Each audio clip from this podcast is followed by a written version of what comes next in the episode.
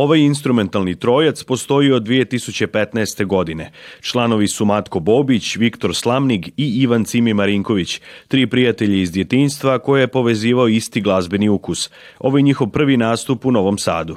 Mi sebe E, to smo nedavno e, izmislili tu etiketu, da smo e, najprljaviji instrumentalni band u Hrvata, tako da instrumentalnu muziku, znači većinom funk, nekakav jazz fusion, ali sve sa nekakvim nabrijanim uličnim, možda malo punk džirom, zato jer eto, cijeli život smo na nezavisnoj zagrebačkoj sceni i to je ostavilo utiska na našu muziku. Tako da, instrumentalna muzika, nabrijana, plesna i nadam se zabavna. Prvi album pod nazivom Valhali izdali su 2018. i odlično je prihvaćen od strane kritike. Uveliko se sprema još jedan za koji ekipa Strešnjevke kaže da će ispuniti očekivanja. Na ovom drugom albumu će biti svaka pjesma različita od druge, znači bit će i žestokog roka, bit će nekog orijentalnog zvuka malo na nekim pjesmama i bit će ono nekih ambiental, eh, chill out stvari tako reći.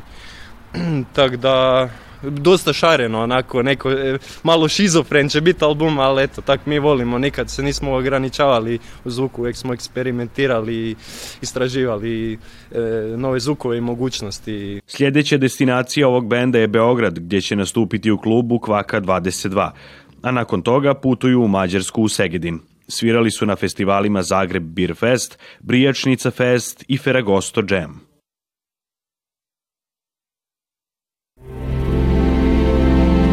Gledate paletu. Izbor iz emisija na jezicima nacionalnih zajednica.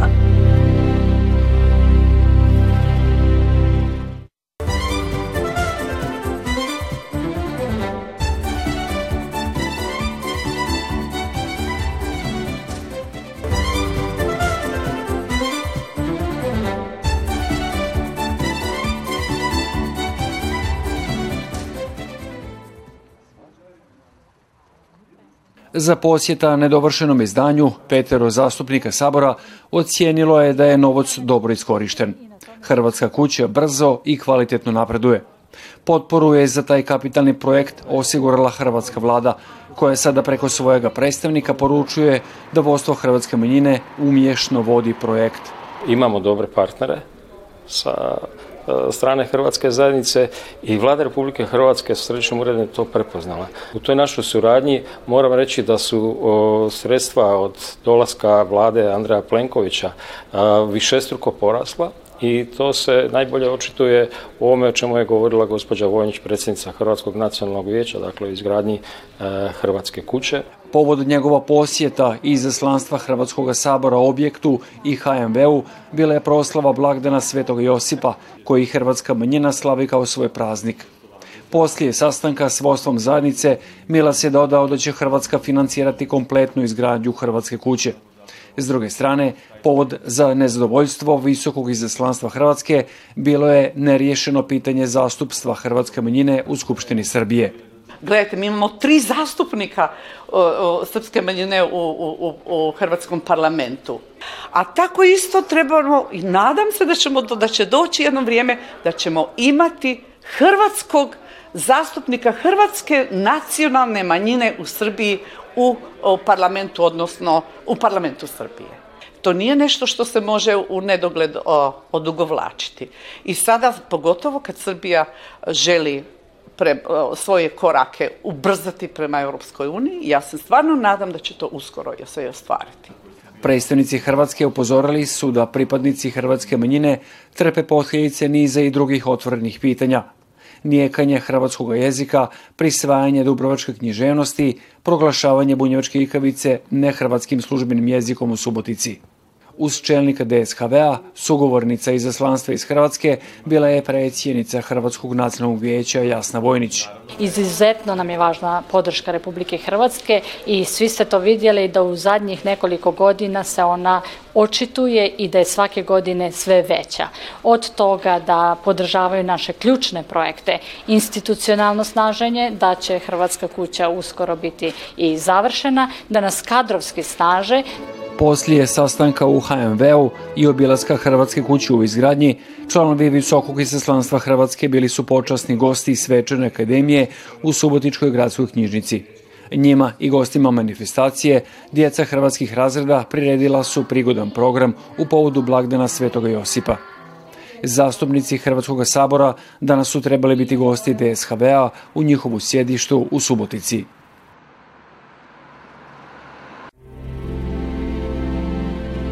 paletu. Izbor iz emisija na jezicima nacionalnih zajednica.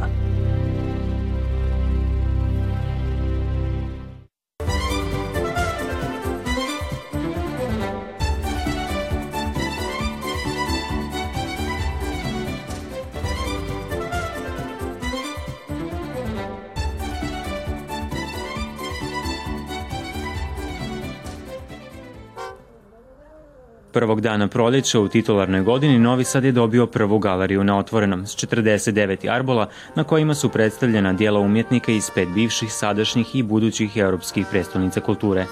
Na 49 zastava umjetnici su predstavili svoje viđenje migracija.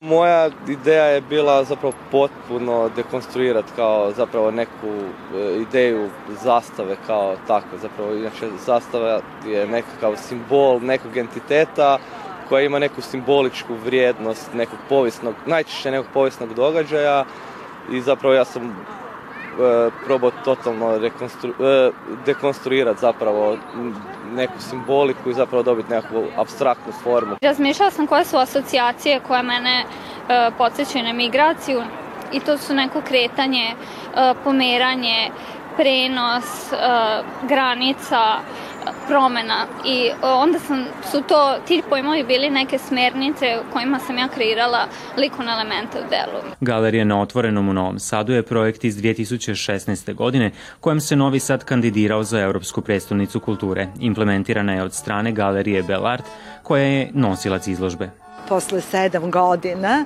ta neka ideja koja je bila samo koncept realizuje i što je Novi Sad definitivno kao prvi grad e, u, u, mi, mi ne znamo da postoji sličan projekat u regionu, sasvim sigurno dobija jednu specifičnu galeriju na otvorenom, jedno novo mesto na kome će se mladi umetnici i umetnici iz jednostranstva, želimo da zadržimo ovaj međunarodni karakter, ali da damo priliku našim umetnicima moći kreativno izražavati. Kada je reč o e, migracijama, moram da kažem da je ova izložba takođe deo programskog luka e, Luka Seobe, koji nam se uskoro e, završava i koji koji je e, u, nešto više od mjesec i po dana obuhvatio više od 300 događaja. Programski luk se obe u okviru kojeg je prikazana izložba Migrart jedan je od osam programskih lukova koji čine koncept Europske prestolnice kulture 2022. godine. Prva izložba bit će otvorena do kraja travnja.